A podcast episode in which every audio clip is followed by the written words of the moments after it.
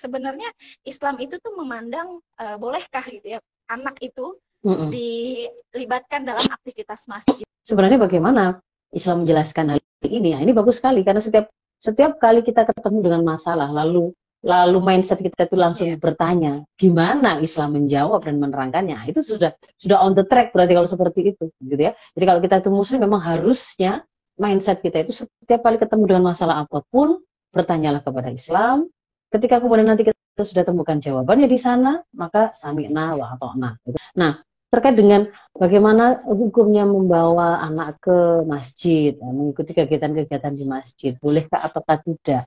Ini ternyata kita kalau membuka uh, referensi Sakofa dan fikih Islam, ternyata Rasul ada sangat banyak memberikan penjelasan ada atau pengalaman begitu ya terkait dengan uh, memberi kesempatan atau tidak anak itu ke masjid bagaimana mereka berinteraksi dengan anak-anak itu di masjid ya.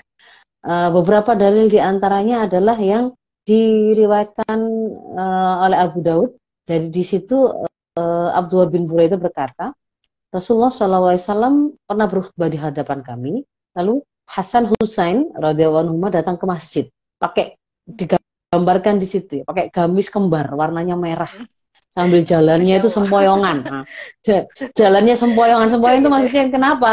Karena masih masih masih bayi, masih iya. masih apa latihan jalan itu loh, yang masih jatuh-jatuh, iya, masih latihan jalan. Rasul dari atas mimbar itu kemudian turun menggendong dua cucunya tersebut membawa naik ke mimbar lalu beliau bersabda beliau mengatakan maha benar Allah bahwa memang harta dan anak-anak itu adalah fitnah atau ujian.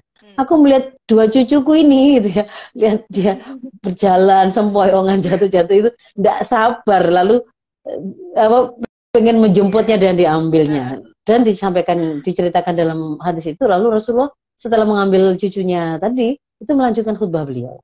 Itu hmm. uh, dalil yang pertama. Jadi ada ada ada kisah bahwa uh, uh, Hasan Hussein di dalam masjid mas, masjid dan apa namanya Rasul uh, berinteraksi dengan dua cucunya tersebut.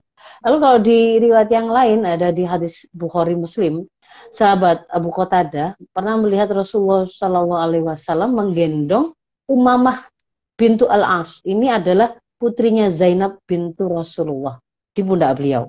Jadi uh, digendong lah, digendong gitu ya. Ketika beliau sholat, ketika ruku, ini umamah tadi diletakkan di lantai. Lalu ketika bangun dari sujud, diambil lagi, digendong lagi.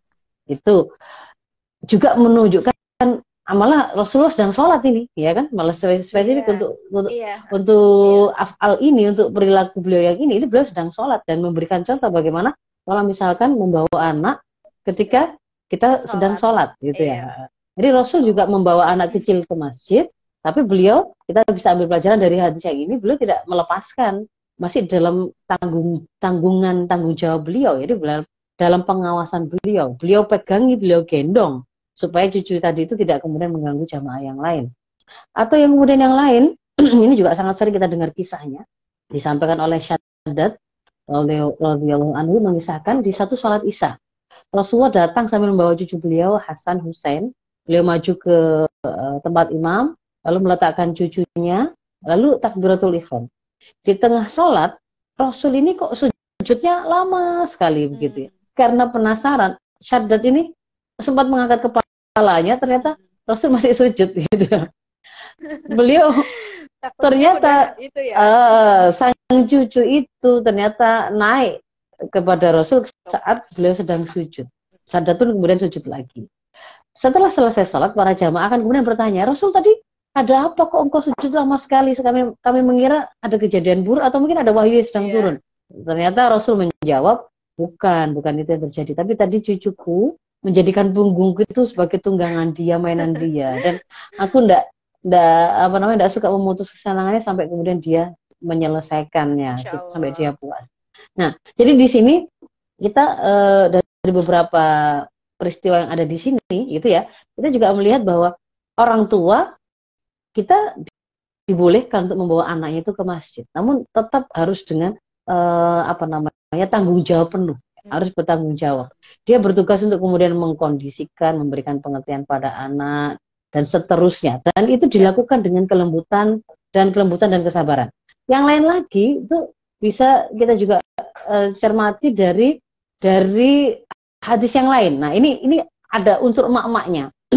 Jadi Rasulullah nah, dari hadis riwayat Bukhari Muslim, Rasulullah berkata ketika sedang sholat, sebenarnya saya tuh ingin sholat saya itu saya panjangkan gitu ya, bacanya itu dengan surat-surat yang panjang.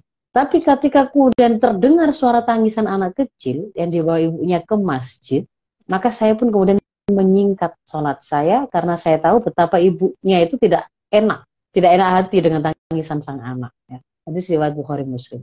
Ini di e, senada dengan ini Anas juga pernah meriwayatkan Rasulullah pernah sholat lalu beliau mendengar ada tangis bayi di dalam e, barisan jamaah yang dibawa serta ibunya sholat ke masjid. Maka Rasul kemudian mempersingkat sholatnya dengan hanya membaca surat ringan atau surat pendek. Hadis riwayat Muslim. Nah, ini menunjukkan ternyata itu malah kisahnya ini ibunya berarti yang membawa anaknya gitu kan ya. Dan anaknya nangis lagi. Manusiawi sekali ini kan. Berarti kita ketemu dan Rasul kemudian uh, memberi suatu pelajaran tertentu tentang uh, apa namanya kebijakan dari imam ketika mengetahui situasi untuk meng, untuk mengenali situasi di tengah-tengah makmumnya, gitu kan ya. Makmum. Jadi ya, dia di, dipercepat oleh Rasul. Nah, demikian pula mungkin uh, di di dalil yang lain itu adalah uh, peristiwa atau kejadian di kalangan sahabat yang biasa kita pakai dalil itu untuk apa namanya untuk ini loh dalil untuk mengajarkan tentang puasa bagaimana apa namanya mengajarkan anak berpuasa itu kan ya jadi ada sahabat Nabi bernama Rabi. Ya. Pada satu pagi di hari Ashura, Rasul mengirim pesan ke kampung-kampung di sekitar kota Madinah. Yang bunyinya, barang siapa yang sudah memulai puasa dari pagi tadi, silakan selesaikan puasanya. Bagi yang tidak puasa, silakan terus berbuka. Sejak saat itu kami senantiasa terus berpuasa pada hari Ashura. Demikian pula anak-anak kecil kami. Gitu ya. Banyak yang ikutan puasa dengan, dengan kehendak Allah. Dan kami pun pergi ke masjid bersama anak-anak. Di masjid itu kami siapkan ada mainan khusus untuk anak-anak yang terbuat dari wool. Ya? Nah, iya.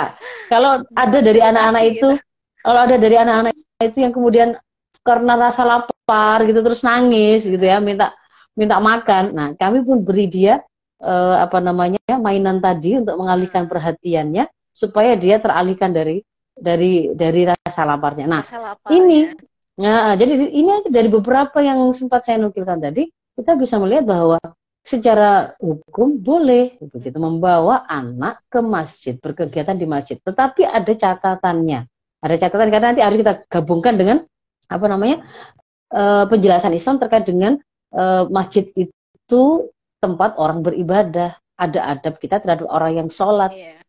Orang sholat itu bahkan tidak boleh kita ganggu konsentrasinya dengan bacaan Quran kita yang terlalu keras misalkan bacaan yeah. Quran saja kalau kemudian itu mengganggu uh, orang yang sedang sholat kita kita pelankan Nah, hmm. jangan sampai kemudian ini bukan sholat, ini tapi teriak-teriakan anak-anak kecil lari-lari. Tentu saja itu berarti sesuatu yang tidak diperbolehkan kan begitu. Yeah. Apalagi kemudian tangisannya sampai membuat jamaah tidak bisa mendengar imamnya dan seterusnya. Itu sesuatu yang juga kemudian berarti harus kita pertimbangkan gitu ya. Itu kalau dari sisi yeah. Iya. uh, boleh apa tidaknya gitu Mbak yeah. Gina.